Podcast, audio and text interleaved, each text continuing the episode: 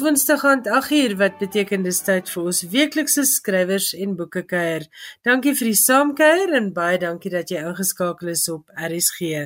Ek is Elsje Salzwetel. Gereelde luisteraars sal weet dat die bevordering van 'n leeskultuur onder Suid-Afrikaners en veral onder ons land se kinders my baie na in die hart lê. En tydens my navorsing vir finansie program kom ek toe af op 'n aanhaling van L.R. Nost, 'n Amerikaanse skrywer wat oor die onderwerp van ouerskap skryf. Sy het die volgende te sê gehad oor die waarde van sprokies vir kinders en dit het my net weer herinner hoekom dit so belangrik is om vir ons kinders sprokies voor te lees. So skryf LR Nost. Sprokies in die kinderjare vorm boustene waarop ons kan trap vir die res van ons lewe, wat ons die res van ons lewe deur moeilikheid en beproewing lei. Die waarde van sprokies lê nie net in die kortstondige letterkundige ontsnapping van die werklikheid nie, maar in die geskenk van hoop wat dit gee. Die hoop dat die goeie werklik magtiger is as die bose en dat selfs die donkerste realiteit kan lei tot 'n geval van vir ewig en altyd gelukkig. Moenie hierdie geskenk van hoop ligtelik opneem nie. Dit het die mag om wanhoop te midde van hartseer te bowe te kom, om lig te bring in die donkerste vallei van die lewe, om wanneer jy mislukking in die gesig staar te fluister net nog een keer Hoop is wat lewe gee aan ons drome, wat die sprokie werklikheid maak. Ek dink dit wat LR Nost gesê het oor sprokies is iets wat alle lesers in elk geval ervaar elke keer wat jy 'n lekker storie of 'n inspirerende lewensverhaal lees. So kom ons hou aan lees en kom ons lees vir ons kinders en kleinkinders en al die kinders in jou lewe en ook veral vir hulle wat dalk nie so bevoorreg is om toegang tot boeke te hê nie. En kom ons hou aan om hoop en lig en moontlike gelukkige eindes te versprei. In Finanse Skrywers en Boeke kan jy luister na die beloofde onderhoud met Karen Smith. Sy is die wenner van die Universiteit van Johannesburg se debuutprys vir haar bundel Bot en Suzette Meiber gaan met haar gesels hieroor. In Johan Meiburg se internasionale bydraes vertel hy meer oor die kortlys vir die Carol Shields Letterkundeprys. Daar's ook 'n nuwe projek om die letterkunde van Suid-Asië toeganklik te maak vir westerse lesers en dan Eleanor Catton se nuwe roman Burnham Wood. Boonop gaan jy kan hoor wat Catton self daaroor te sê het. En dan as jy 'n kortverhaalskrywer is, moet jy beslis vanaand luister want Suzette Meiburg het nie net nuus oor die Woordfeesbundel se jaarlikse kortverhaalkompetisie nie. Suzette gee ook sommer 'n paar wenke oor hoe om 'n goeie kortverhaal te skryf. Ek hoop jy geniet vanaand se program.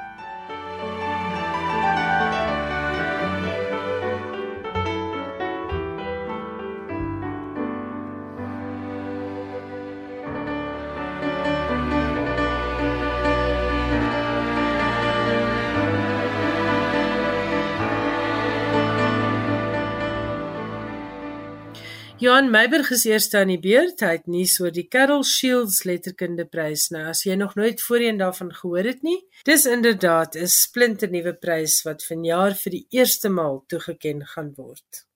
Die kortlys vir die Carol Shields Letterkundeprys is onlangs aangekondig en vyf boeke ding mee om die prys met prysgeld vir die wenner van sowat 2,7 miljoen rand wat dit een van die literêre pryse met die grootste prysgeld maak. Dis vanjaar die eerste keer dat die prys toegekend word. Die werk van Kanadese, Noord-Amerikaanse vroue en binêre skrywers kom in aanmerking vir die prys en dit sluit in boeke wat oorspronklik in Engels verskyn het, sowel as vertalings. Die prys is genoem na Carol Shields, die Amerikaansgebore Kanadese skrywer van onder meer The Stone Diaries. 'n Roman waarmee Shields die Pulitzerprys gewen het en ook die kortlys van die Booker gehaal het. Haar roman Larry's Party het die Orange Prys, die Study Women's Prize for Fiction, verower.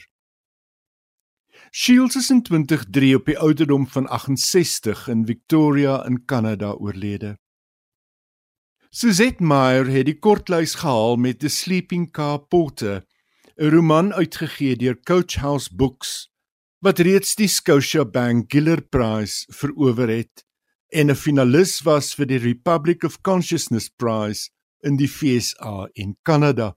Talia Lakshmi Kuluri het die lys gehaal met What We Fed to the Manticore, 'n roman wat uitgegee word deur Tin House en wat op die langlys was van die Penn Robert W Bingham Prize, die Aspen Words Literary Prize en die Andrew Carnegie Medal for Fiction. Daphne Palasi Andriades se roman Brown Girls, uitgegee deur Random House, was 'n finalis vir die Centre for Fiction se debuutromanprys en Fatima Ashkar se roman When We Were Sisters, uitgegee deur One World, het reeds die langlys gehaal vir die National Book Award se fiksieprys. Die vyfde boek is die van Alexis Shotkin, Elsewhere, uitgegee deur Celadon. Die wenner word op 4 Mei aangekondig. Baie dankie Johan Meiburg. Jy luister na skrywers en boeke, jou belangrikste bron oor Afrikaanse boeke. 'n Ambisieuse bundel wat die leser op reis neem na wêrelde van verstommende dog onmiddellik herkenbare tegnologiese vooruitgang, een waar bespiegeling en die magiese skouerskuur met die alledaagse, waar waarheid en versinsel nie meer onderskeibaar is nie, waar nuwe onthutsende eksistensiële vrae opduik en in gesprek tree met die oerbekende een, waar begin mens wees en waar eindig dit? En dit is hoe Bot, Karin Smith se kortverhaalbundel wat onlangs met die EJ debuutprys bekroon is, in die bemarkingsmateriaal beskryf word. Nou ja, jy kan dink as 'n bundel wegstap met 'n belangrike debuutprys soos die van die Universiteit van Johannesburg, is dit inderdaad die moeite werd om gelees te word. Suzette Meiburg stel ons nou voor aan Karin. Lekker luister. Karin, baie welkom by Skrywers en Boeke. Baie dankie, goeiedag. Heel eerste, 'n groot woord van gelukwensing aan jou vir die IE debuutprys wat aan Bot toegekend is. Wat is die reaksie wat jy tot dusver op jou bundel kry? Sjoe, die reaksie is baie uiteenlopend. Baie mense is nogals geskok dink ek. Mm -hmm. Want daar's baie dinge daarin wat seker baie konkreet verbind is met die wêreld nou. Ja, ek dink 'n bietjie skok. Dis dis eintlik nog nie 'n vraag waaroor ek veel gedink het nie. Die skok is verstaanbaar want dit is wat hulle noem spekulatiewe fiksie wat glad nie so spekulatief is nie, nê, want baie van die dinge wat jy beskryf met sê maar kunsmatige intelligensie, robotte wat al hoe meer gebruik word, begin al hoe meer algemeen raak. Ja, dit is so. Ek dink hoe verder ons aanbeweeg in um hoe vinniger tegnologie ontwikkel, hoe nader gaan enige spekulatiewe idees wees aan ons. Dis nie meer soos voorheen toe George Orwell geskryf het was dit eers hoeveel dekades in die toekoms wat dinge begin werklik word het wat hy voorspel het nie. Dit is Die toekoms is so onmiddellik. Dinge wat ons voorspel is so onmiddellik en naby aan ons nou dat enigiets wat ons voorspel letterlik 'n dag later kan gebeur. Ek sien vroeër vandag met ChatGPT begin baie rekenaarwetenskaplikes en programmeerders probeer nou om ChatGPT te jailbreak En die ding is ja, ek meen dit is dit is die tipe van dinge waaroor ons nog altyd gespekuleer het voorheen, maar nou dat daar werklik so 'n tipe ding is soos ChatGPT, as daar skielik 1000 of 2000 of 3000 rekenaarwetenskaplikes is wat die ding probeer jailbreak, gaan dit dalk vinnig gebeur. Dit gaan dalk ja. nie te lank neem vir dit om te gebeur nie. So ek dink dit is een van die um scary dinge van spekulatiewe dinge. Ja. Ja, en ook die feit dat dit meer distopies as utopies is, is natuurlik 'n ander kwessie. Mense, daar's 'n element van vrees wat mense begin ervaar as hulle hierdie tipe goed lees in 'n storieverband. Um ja, dit is die ding. Spekulatiewe fiksie, ek dink mens kan na utopie ook kyk, maar ek meen dit gaan ook daaroor om te kyk na distopie, om te kyk wat die moontlikhede is wat ons moet probeer voorkom en so aan. Wat moet ons probeer laat dit nie gebeur nie sodat ons kan kyk na wat die teenoorgestelde daarvan is en wat ons moet doen om dinge beter te hê. Dis interessant want die een verhaal Vacuum, die een verhaal waar dit gaan oor die robot regter. Um so 2, 3 maande gelede toe lees ek van 'n hofsaak wat plaasvind iewers oor see, kan nou nie onthou waar nie, waar die prokureur 'n robot gaan wees. Hmm. en ehm um, so die dinge gebeur al hoe meer, maar nou besef mense ook enige iets wat geprogrammeer he, is, gaan die biases van mense onderliggend hê. Want op die einde is dit data wat deur mense bymekaar gesit is met al menslike biases en goeters wat ingevoer word vir hierdie stelsel of vir hierdie robot of wat ook al en dit is wat gebruik word uiteindelik om dan nou die persoon te oordeel of um te probeer um defend of wat ook al. En ja. daai bias is werk dan in op die einde. So ja. Ek het gedink oor waar ons in die wêreld staan uh baie aangespoor deur byvoorbeeld van 2015 af die Feesmas vol beweging wat eintlik uh, net toegeneem het in uh, wat mense uiteindelik gesê het ons is nou al by everything must fall en die gevoel wat ek gekry het oor die wêreld is dat die oorwegende emosie wêreldwyd by mense is woede. Maar toe kom die pandemie, die COVID pandemie in 2020 en van toe af kry ek die gevoel nou is die oorwegende emosie vrees. Wat dink jy? Ek dink ek stem nogal saam, dit is vrees, ja. Ek dink ek dink wat die pandemie gedoen het is om ons almal te laat besef maar ons is nie so in beheer soos wat ons dink nie. Ons het nie soveel beheer oor dinge soos wat ons dink nie. Voorheen, ek dink met die ontwikkeling van tegnologie en alles, het ons amper hierdie valse idee van beheer gehad. Ja. met dinge wat ontwikkel met tegnologie en wat ontwikkel met nuwe wetenskaplike ontdekkings en dinge dink ons ons het meer en meer beheer en dan skielik kom iets soos 'n virus en die virus wys vir ons maar ons het nie soveel beheer soos wat ons dink nie so ek dink daai vrees is nou ook soos onderliggend met tegnologie soos ChatGPT. Ek dink daai hele sielkundige bewussyn wat ons skielik gekry het met die pandemie, ons is nie soveel in beheer nie, maak ons ook nou bang vir ander dinge wat ons dalk nog nie so goed verstaan of bewus is van wat die gevolge gaan wees nie. Ja, en as die ondenkbare kan gebeur, dan raak dit al die die gevoel van wat kan nie ook nog gebeur uh, nadat iets soos die pandemie basies die hele wêreld tot stilstand gebring het nie. Nou ek en jy het mekaar in 2014 ontmoet met die nuwe storiesbundel vir skrywers onder 30 waar een van jou verhale 'n naswenner was. Wat het jou die kortverhale as genre laat kies? Sjoe, ek dink op daai punt het ek net gedink kom ek skryf iets in en sien wat gebeur.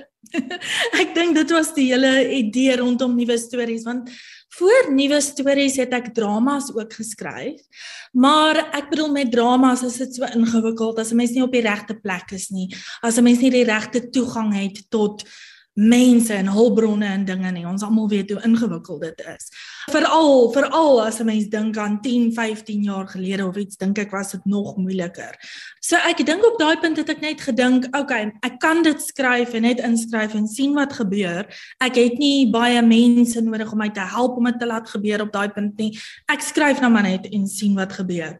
Ek dink wat ek intussen ontdek het daarna is dat die kortverhaal genre vir my die geleentheid bied om idees um uit te toets, te eksperimenteer met idees en dinge, om die idees so ver te stoot as wat ek moontlik kan tot die perke van wat daai idee kan wees konkreet of spekulatief kan wees. En dit is baie soos in filosofie wat ons thought experiments het. In filosofie het ons mos byvoorbeeld sê nou maar 'n man stap in 'n hospitaal in en 'n dokter, 'n chirurg moet 5 pasiënte red. Die een het 'n hart nodig, 'n lewer, eh, die ander een 'n lewer, die ander een het dit en dit en dit. So as jy die een persoon doodmaak om almal te red, is dit reg of verkeerd. So ek dink my kortverhale is baie soortgelyk. Dit is amper soos thought experiments waar ek kyk byvoorbeeld wat as ons in 'n wêreld is waar die regter 'n robot is? Wat as ons in 'n wêreld is waar God 'n robot is of 'n robot 'n god is aan een van die kante toe. So ek dink dit is wat ek so lekker vind daarvan. En veral met hierdie eerste bundel het ek dit veral lekker gevind omdat ek met so baie idees kon speel in een boek. Dit is dit is vir my baie lekker. In 'n roman kan 'n mens ook, maar ek dink die verhaal op 'n manier met die verhaal meer 'n fokus kry dalk in 'n roman. Ek weet ja. ek weet dit is dalk nou net 'n idee wat ek nou skielik dink en mee speel, maar op 'n manier, ek weet nie, ek weet nie of dit sin maak dalk nie. Ja. Dit maak 100% sin. Jy kan soveel meer onderwerpe vat en hulle kort en kragtig, maar baie sterk kan jy hulle uitwerk met die met die kort verhaal. Maar jy het nou eh, gesê waar jy wat jou benadering is, hoe wat jou hoe jou idees werk, maar hoe letterlik skryf jy dan? Hoe pak jy dit aan? Begin jy by die begin en jy kom by die einde uit of herskryf jy baie keer jou begin? Hoe neem die kort verhaal vorm aan vir jou? Ek dink gewoonlik is dit een of ander idee in terme van 'n betekenis maar soos 'n intuïsie of iets dalk nie eers 'n konkrete idee van 'n karakter of 'n wat ook al nie. En dan begin dit soos te maal en ek dink aan 'n wêreld ek dink waarin ek hierdie konsep kan uitbeeld of um die betekenis kan uitbeeld. En ek dink gewoonlik kom die einde eerste vir my. En dan begin ek te werk aan die begin en so aan en gewoonlik skryf ek 'n bitterlike vinnige eerste draad, 600 woorde. Ja, so dit begin vir my by 'n intuïsie oor 'n betekenis of iets in 'n ander wêreld. Maar ek probeer ook om nie betekenisse in dit in te forceer nie, want 'n mens wil hê dat die leser moet saam skep aan 'n verhaal, saam skep aan die betekenis, want sodra mense dit op 'n skinkbord begin gee, gaan die leser dalk belangstelling verloor. So ek hou ook nie daarvan om soos byvoorbeeld reguit te sê wat se betekenis 'n verhaal het nie, want dit gaan daaroor dat almal moet self kyk wat hulle vind. En jy het nou reeds genoem die filosofie jy is besig met jou doktorsgraad in filosofie en 'n mens sien dit duidelik in bod want daar is 'n sterk filosofiese onderbou oor besonder moeilike onderwerpe in jou verhale. Maar dit word so toeganklik aangebied. Enige iemand wat een van die verhale kan lees kan dit verstaan. So hoe kry jy dit reg om dit wat moeilik is so maklik verstaanbaar te maak Sjoe, dit is 'n interessante vraag. Ek is nie regtig seker nie. Dis iets wat ek van die begin af bewus was, omdat ek baie sterk akademies georiënteerd is ook om versigtig te wees om nie te slim te probeer skryf nie, want ek wil hê enigiemand moet die boek kan optel en iets uit dit haal. Sommige mense gaan dalk iets in meer diepte uithaal, ander mense gaan dit ligter lees maar steeds iets kan uit dit haal. En ek dink vir my kom dit daarby dat my skryfstyl net eenvoudig baie helder en reguit is. En die ding is ook wat mense baie keer dink is dat filosofie baie gekompliseerd is. Ja, in filosofie praat ons oor vreeslike gekompliseerde dinge, maar ek dink die beste filosowe kan 'n ding op die eenvoudigste manier verduidelik. Baie regheid en konkreet en eenvoudig verduidelik. Vir my is dit die beste dosente wat 'n ding baie reguit kan verduidelik en almal verstaan dit. En dit beteken nie die idee is eenvoudig of maklik nie. Dit kan 'n ingewikkelde idee wees, maar as 'n mens dit goed en eenvoudig kan verduidelik, kan mense toegang hê tot al die betekenismoontlikhede of nuances van daardie idee. So dis eintlik 'n kuns waaroor sekere mense beskik. Uh twee van die oorkoepelende temas in jou bundel is die klimaatkrisis en tegnologiese ontwikkeling. Kom ons praat eers oor die klimaatkrisis. Waar staan dit nou na jou mening? Oei, krisis, dit is regtig 'n krisis. Kyk, dinge beweeg vinnig. Mense besef dit dalk nie en ek dink by die pandemie het baie mense se aandag vir 'n hele rukkie verskuif na die pandemie toe, maar dit beteken nie die klimaatkrisis het skielik verdwyn nie. En ek dink die pandemie was eintlik 'n voorsmaakie van wat konkreet gaan begin gebeur in die toekoms met klimaatsverandering. Ek meen as ons dink toe dinge regtig begin sleg gaan het, ander lande, Europe, die Europese lande en daai lande in Amerika en so aan het glad nie meer omgegee regtig oor ons in Afrika nie. ons was op ons eie gewees. So ek dink baie van die dinge wat gebeur het is soos letterlik 'n voorstelling van wat gaan gebeur. Ja, klimaatsverandering, dit is toenemend, dit raak rower en rower en rower.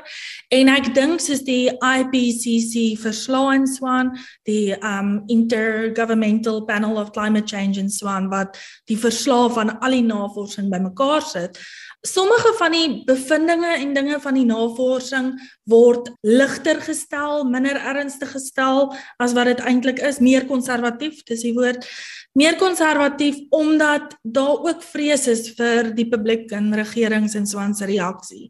Want daar's baie aggressie teenoor wetenskaplikes soms wanneer hulle hierdie navorsing en dinge, dinge uitbring wat um um baie kontroversiële dinge is. So wat eintlik ook duidelik raak is dat elke keer wanneer hulle die verslae bymekaar sit, oortref die nuwe vlak van klimaatsverandering en verwarming um wat voorheen voorspel was.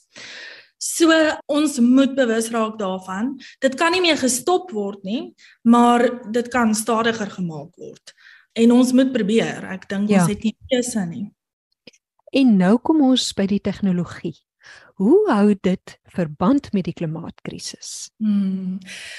Tegnologie kan vir goed of sleg ingespan word. Ja, ek meen tegnologie kan gebruik word om te kommunikeer oor die klimaatskrisis, maar dan sit ons met die probleem van misinformasie, waninligting, samesweringsteorieë en al daai dinge. Tegnologie kan deur ingenieurs gebruik word om klimaats um climate engineering, klimaatsingenieurs wese toe te pas en te doen. Maar dan is daar ook etiese kwessies en hoe ver kan ons gaan? Wat kan ons doen? Wat is reg? Wat is verkeerd? Wie gaan dit beïnvloed? Hoe seker ons ons dit gaan werk? Gaan dit nie dalk erger maak nie? Ek meen ja, tegnologie ontwikkel, maar dis ingewikkeld. Met tegnologie dink ek is daar altyd daai ding van dit kan of goed of sleg wees en ons weet nie altyd totdat dit gedoen is nie, totdat dit toegepas is nie. Maar ja, ek hoop mense gebruik die tegnologie op die regte maniere. En ook dat mense wat jou boek lees dit as 'n geleentheid gebruik om 'n bietjie te kyk na wat is die moontlikhede van wat kan gebeur. 'n uh, Nog 'n tema wat uitkom in jou werk is die invloed van sosiale media. Hoe dink jy het dit ons samelewing verander? Ek dink sosiale media maak net dat dit moeiliker en moeiliker vir ons is om te sien wat waarheid is en wat nie waarheid is nie. Ek meen dit was nog altyd 'n ingewikkelde ding wat is waarheid en wat is nie waarheid nie. Maar nou raak dit net al hoe moeiliker en moeiliker. Ek meen almal gebruik filters. Ek meen jy kan 'n fake kind post.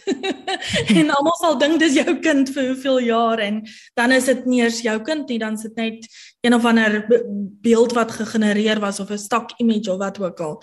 Ja, ek ek dink net ons weet nie meer wat is regtig en wat is nie regtig nie. Deepfakes wat nou 'n groot probleem ook begin raak. Ek meen, daar is sommige koerante en ehm um, van die groot media companies en so aan wat begin saam staan om tegnologie te ontwikkel wat kan soos 'n check of 'n ding wys om te sê hierdie beeld is regtig of nee, ons kan nie hierdie beeld verifieer nie of hierdie video of wat ook al nie. En ek glo dit sal help En ehm um, ja, daar's sommige lande wat nou ook begin vereis dat mense selfs wanneer hulle foto's en goed op sosiale media sit, moet sê as hulle filters of editing gebruik het of wat ook al. Ja, dit raak net soos hierdie kosmos, hierdie eie wêreld van waninligting en samesweringsteorieë.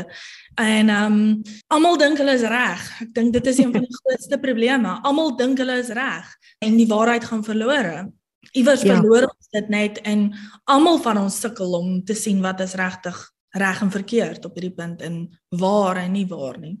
Ek dink die meeste mense sal saamstem daaroor die wêreld en die mensdom is in 'n krisis en ons het oplossings nodig. Maar watter bydrae kan filosowe lewer? Ek het min die geleentheid om met 'n filosoof te gesels so wat kan hulle doen? Sjoe, een van die groot probleme dan gaan dalk akademici wees wat nie happy wees as ek dit sê nie, maar akademici moet meer betrokke raak ook by mense konkreet in die wêreld betrokke raak. Filosofe ook veral om te help dat mense kritiese denke ontwikkel om te kan vra vra, die regte vrae vra. Maar nie net soos op daai tipe van vlak wat meer interpersoonlik is amper nie, maar ook net filosofe kan betrokke raak by etiek, um policy making en so aan rondom klimaatsverandering en inentings en wat ook al. Jy studeer sedert 2020 by die Universiteit van Sheffield in Engeland, maar jy's gebore en getoe in die Oos-Kaap. Hoe kontrasteer hierdie twee wêrelde met mekaar? Dit is baie groot kontraste. Um, sjoe. In Sheffield is daar baie mense wat kla oor die busdienste en sulke tipe van dinge. Die publieke vervoer is nie so goed nie, nie baie betroubaar nie. En dan dink ek, okay, maar daar is busdienste. jy kan van punt A tot punt Z kom as jy nou maar net bietjie langer wag, 10 minute langer wag, gaan daar een of ander tyd 'n bus tientjie in wees.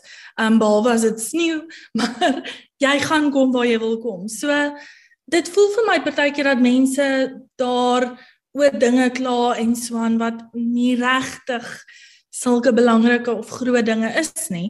Maar wat ek ook sien is dat hulle regtig groot probleme van hulle eie nou het. Die mediese stelsel, daar's groot probleme daar. So ja, dit lyk altyd groener dalk aan die ander kant, maar dit is ook nie die geval nie. Daar's baie maniere waarop hulle bevoordeel is, definitief, Maar daar's 'n paar dinge wat ons hierdie kant ook het wat hulle nie het nie. By die universiteit wil ek soms 'n paar klappe uitdeel. studente kla oor dinge, studente kla oor fasiliteite en al sulke dinge. Dan wil ek vir hulle sê kom gou 'n bietjie voort hier toe en so aan. Ja. As jy sê dat ons in Suid-Afrika en in Afrika, ons het ook weer dinge. Ek wil nou positief wees. Wat is daar wat jy kan uitwys positief wat ons het wat hulle dan nou nie het nie die ontwikkelde wêreld versus die ontwikkelende wêreld? Ek dink dit het net eenvoudig te doen met verhoudings. Ons verstaan mekaar beter ons ondersteun mekaar beter. Jy kan sien waarvandaan iemand anders kom. Jy kan sien wat die pad is wat hulle gestap het, wat hulle nog moet stap. Ons het 'n bewustheid daarvan dat ons mekaar moet help. Ek dink dit is een van die grootste dinge. As ek daar vir hulle byvoorbeeld vertel van die elektrisiteitskrisis hierso, hulle verstaan net nie. Dit is dit is iets wat Hulle kan dit nie verstaan nie. Ek sien nou-nou net 'n e-pos dat my akkommodasie se krag vandag daai kant af is. Dis die tweede keer ooit en ek weet almal klaar seker. Verskriklik vandag. En nou grap ek en dink, dankie tog ek is hierso waar daar krag is. Maar ja, ek dink Dit gaan net daaroor dat ons het 'n beter perspektief op dinge. Ons weet beter wanneer ons bevoordeel is, wat ons bevoordeling is en watter dinge mense moet oorkom om te weet waar hulle is. As ek ander Afrika studente daai kant raakloop, skud hulle ook net hulle kop en sê hierdie mense verstaan nie. Hulle weet nie hoe hard ons moet werk nie. En die ding is ook ek weet in die Suid-Afrikaanse konteks is ek weer bitterlik bevoordeel. Ek weet ek kom van 'n ander plek in hierdie samelewing weer waar ek baie bevoordeel was met sekere dinge. En ek weet daar's weer mense onder my wat minder bevoordeel was wat nog harder as ek sou moes gewerk het om daar te kom. Um en ek dink dit gaan net daaroor om daai bewustheid te hê van waar jy is waarheen jy op pad is, waar ander mense is en wat hulle moet doen om op dieselfde plek as jy te kan uitkom op die einde. Ja, en op 'n manier begin die ehm uh, ontwikkelde wêreld nou eers met uh, waar daar soveel immigrasie is, moet hulle nou eers werklik begin worstel met hierdie vraagstukke. Terug by jou skryfwerk. As ek kan vra, is daar uit die 16 verhale in die bundel, is daar een wat 'n persoonlike gunsteling is? Ek dink Liefie is my gunsteling op 'n manier. Met die hond. Um, ja. Ek dink dit is my gunsteling. Dit is die verhaal wat die langste kom uit hierdie bundel spesifiek. Sjoe, ek het hierdie boek herskryf, herskryf. Daar's maklik 30 verhale wat nie ingekom het nie, wat geskryf was, weggegooi was. Soms was daar net intuïsies of klein idees of beelde wat oorgehou is en in hierdie boek nou uiteindelik gekom het. Maar Liefie is die verhaal wat seker oor 3 of 4 jaar strek al.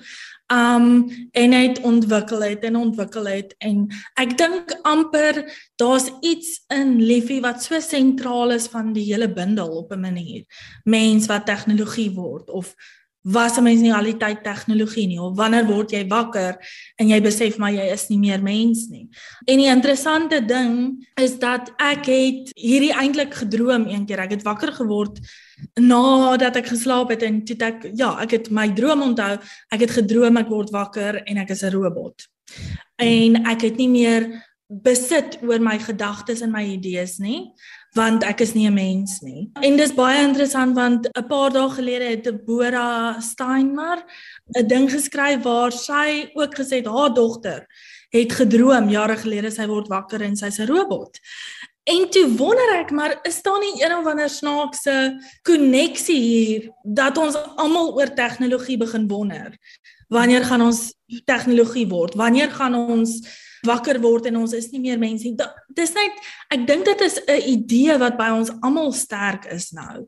Ja, so ek dink Liefie is die gunsteling verhaal. Ja.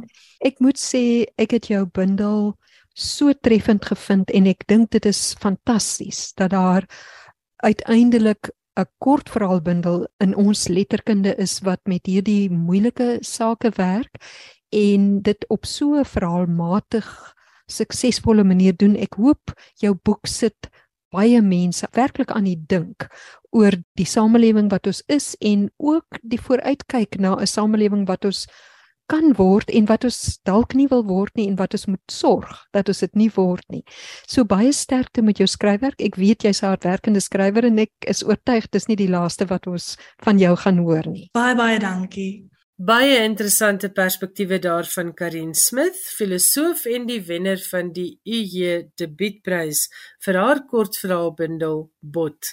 En dit word beskryf as spekulatiewe en toekomsfiksie. Weerens baie geluk van skrywers en boeke se kant Karin en baie dankie vir 'n baie interessante gesprek, Suzette Meiburg. Johan Meiburg het nou vir ons nuus oor 'n projek wat lesers aan splinternuwe boeke en inderdaad splinternuwe wêrelde gaan blootstel. 'n Nuwe projek om die letterkunde van Suid-Asië toeganklik te maak vir lesers in die Weste word aangepak deur die Universiteit van Chicago in samewerking met die Amerikaanse Literêre Vertalersvereniging, English Pen, Words Without Borders en die British Council. Die projek staan bekend as South Asian Literature in Translation kortweg SALT. Die oogmerk is om elke deel van die vertaalketting reg deur die Engelssprekende wêreld te versterk. Dit sluit in mentorskappe en werksessies vir vertalers, werksessies vir uitgewers in Suid-Asië en verskeie borgskappe met die oog op vertaalwerk.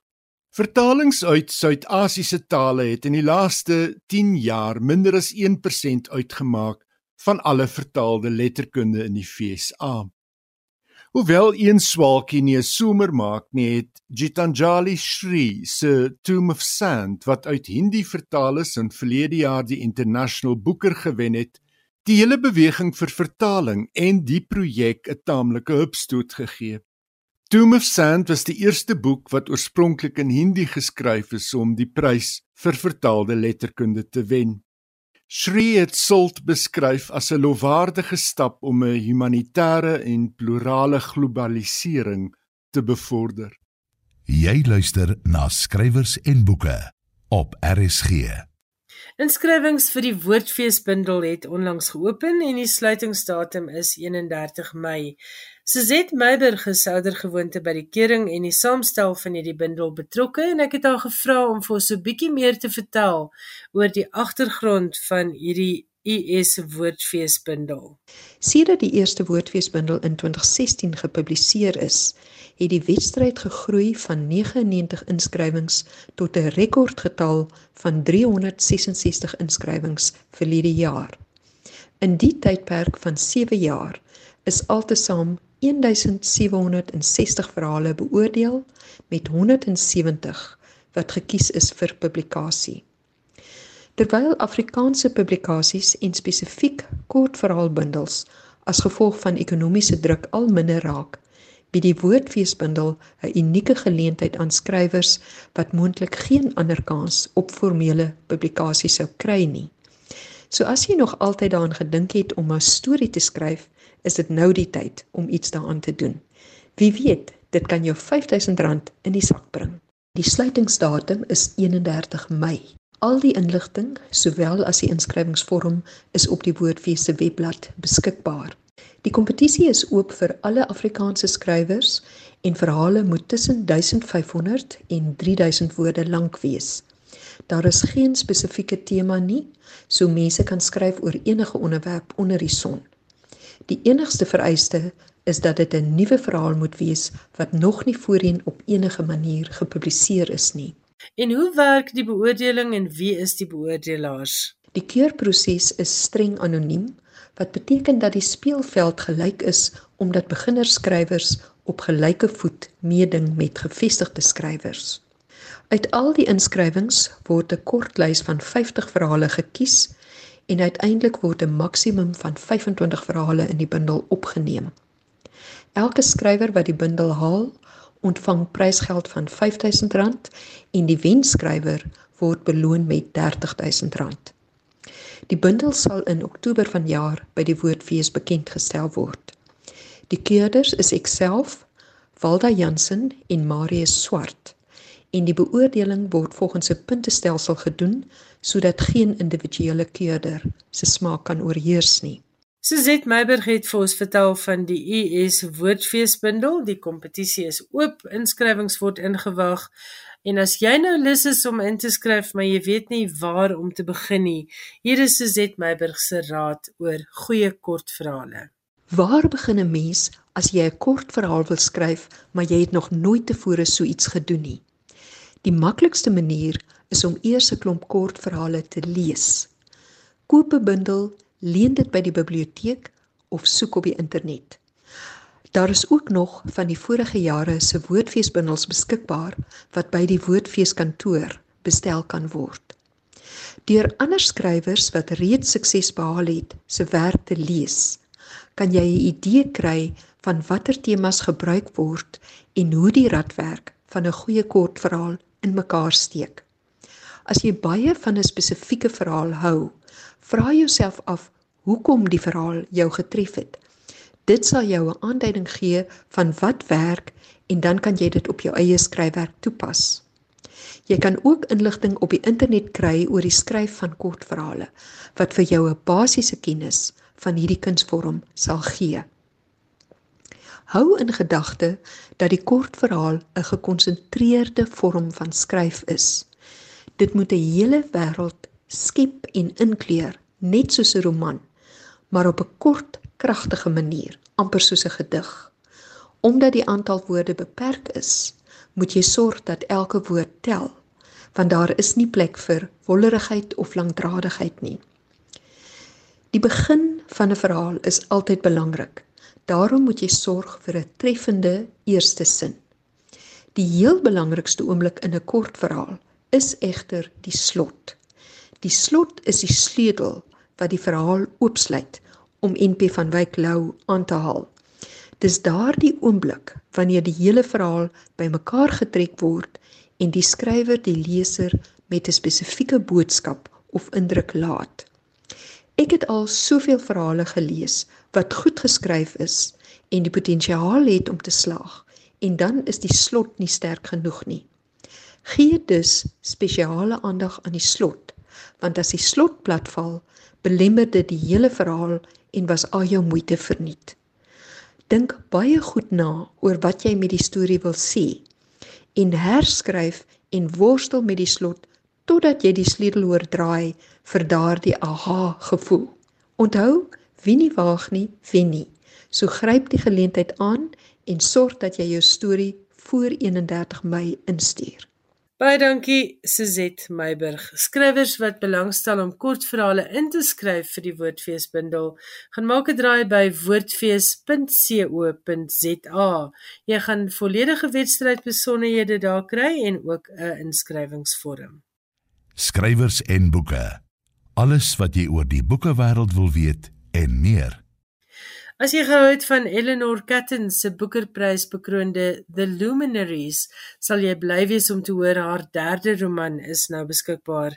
Johan Meiberg het vir ons meer inligting oor Burnham Wood en jy kan ook luister na 'n kort onderhoud waarin Catton self oor Burnham Wood gesels. Burnham Wood, die Kanadeesgebore Nieu-Seelander Eleanor Catton se derde roman, het onlangs verskyn. En as 'n mens haar vorige twee boeke in gedagte hou, is dit gewis iets om na uit te sien. Catton was 22 toe haar debuut The Rehearsal geskryf is as deel van 'n meestersgraad in kreatiewe skryfwerk. Dis in 2008 gepubliseer. Met die roman het Catton die Betty Trask Prys in Engeland verwerf en die boek was op die langlys van die Orange Prys en op die kortlys van die Guardian Debuutprys. Met haar tweede roman The Luminaries het sy in 2013 die Booker-prys verower en op 28 die jongste skrywer nog geword om die prys te verower. Daarby was die roman van 832 bladsye in daardie stadium ook die dikste wenner in die 45 jaar van Booker-pryse. Die roman is geplaas in 1866 op die goudvelde van Nieu-Seeland. Hier is Eleanor Catton aan die woord oor haar jongste roman, Burnham Wood, uitgegee deur Ferrer, Strauss and Giroux. My name's Eleanor Catton, and my most recent book is called Burnham Wood. It's a literary thriller set in New Zealand in 2017 in a fictional town in the South Island. And it follows a group of young activists who call themselves Burnham Wood, having taken the name from Shakespeare's Macbeth, and their encounter with an American billionaire who has come to New Zealand ostensibly to build a bunker in which he will see out the apocalypse. And so the book is about people from very different political persuasions coming together and making choices that impact impact one another. It's a book that I hope will ask political questions without being itself partisan. I didn't at all want to write a book that um, tried to persuade anybody of anything. I wanted to write a book that gave people a good time, that was thrilling and surprising and bloodthirsty and um, and, and, and good fun. in 2015, I had a residency in Amsterdam. And it so happened that right before I got there, there had been various student protests. And in solidarity with the students who had protested, there was a bookstore who was right beneath the flat where I was staying that was just absolutely jam packed with the most fascinating left wing literature, kind of pamphlets and manifestos and manuals for protest and so on. And I became really interested in reading my way through the bookshelves of this bookstore and um, came home with a couple of suitcases full of books. But it wasn't really until probably a couple of years later that the characters began to take shape and I came up with a sort of a form for the novel. One of the things that happened in the subsequent years was that I adapted uh, Jane Austen's Emma for film. Over the course of that adaptation, that I, of course, read Emma many times over and over and became very familiar with it as a book. And the more I read this novel of, you know, just exquisite formal perfection and just marveled at, at what Jane Austen had done, the more interested I became in the idea of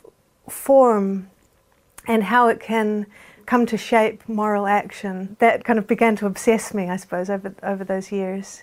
And so it, might seem quite strange now when you read the novel to think of Jane Austen as the forebear, because in a, in a lot of ways the, the, the, books have very little in common. But it was out of my reverence for Jane Austen that this book was really born. What's so fascinating to me about Jane Austen is that there is almost no figurative language at all, and very, very little descriptive language. Everything is narration. Everything is, is driving forward the consciousnesses of the, of the characters. There's almost no inefficiency to her books either. They're so exquisitely patterned. The ironies are so so beautiful and complete. And yet you have such a sense that these characters are real and that you know them and that you love them or you hate them and you're so pleased when they get together or when they don't get together. And I think that there's something just very ancient about that actually. It's very Aristotelian, it's very dramatic in the very classical sense. And so one of my principal ambitions for Burnham Wood was to ask myself whether I could do what Jane Austen had done for a comic form, for a tragic form. So rather than ending with everybody getting married, my book would take a more tragic direction. though perhaps that's saying too much. One of the ways that Macbeth is a very useful play to us these days, in a political sense, is how quick we are to diagnose Macbeth like qualities in our political enemies, and how seldom we identify Macbeth like qualities in ourselves. And so I quite liked the idea of writing a book where depending on your own political sympathies that you bring to the novel, you might think that somebody is more of a Macbeth than somebody else. Or you might think, yes, you know, this one character is very ambitious and single minded, but that's justified. And this other character's ambition and single mindedness is not justified. I set myself the challenge that I wanted everybody to say something at some point that I agreed with, but I also wanted everybody to be a plausible candidate for the role of Macbeth, which meant that they all had to have darkness in them, they had to have a, a, a, capacity to fall, they had to be blind in some way. And so once I got that as a sort of a formal conceit that I w- wanted to play with, I started thinking about how to design the book so that each character would have a sort of a. Um, a Lady Macbeth figure who played the foil to them in a way, and also a witches like character who would act as a sort of a tempter on the other side. I think that Macbeth, above all, is a play about the illusion of certainty. It's about what happens when you become so convinced that a, a course of action must be the way that things are going to turn out that you stop being alive to contingency, you stop seeing all, all of the ways in which you might be wrong. And I think we're all guilty of that. People are guilty of that right across the political spectrum. The other thing that's very interesting about Macbeth is how it treats time and how it treats the future. I can distinctly remember a time, I think it was probably around about uh, 2016 when we had the election of Donald Trump, obviously, which um, very few people saw coming. The uh, Brexit vote here in the United Kingdom. It was a very uncertain time. It was a time when people were questioning their liberal democratic assumptions and the kind of the complacency that had led them to that point. And I can distinctly remember that there was a shift around that time whenever people would talk about the future in a social setting, somebody in the company would say, if the world even exists by then, that point of view would always come up. We're staring down our infinitude as a, as a species, as a planet. And I think that there's something very dangerous about thinking like that.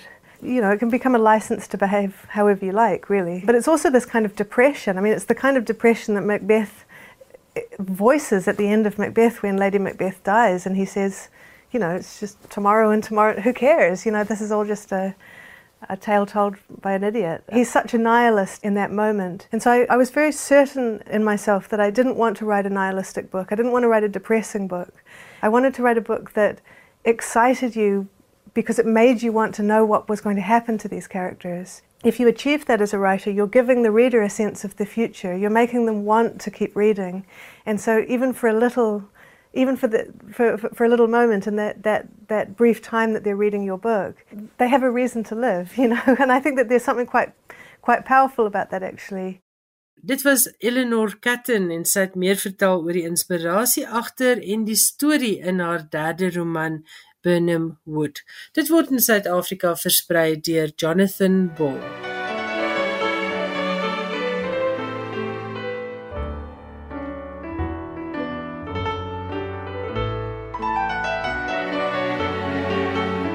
Daarmee het dit tyd geword om te groet. Volgende week is ek terug, dan gesels ek met die baie gewilde skrywer Madeleine Rust oor haar boek van vrees na vrede.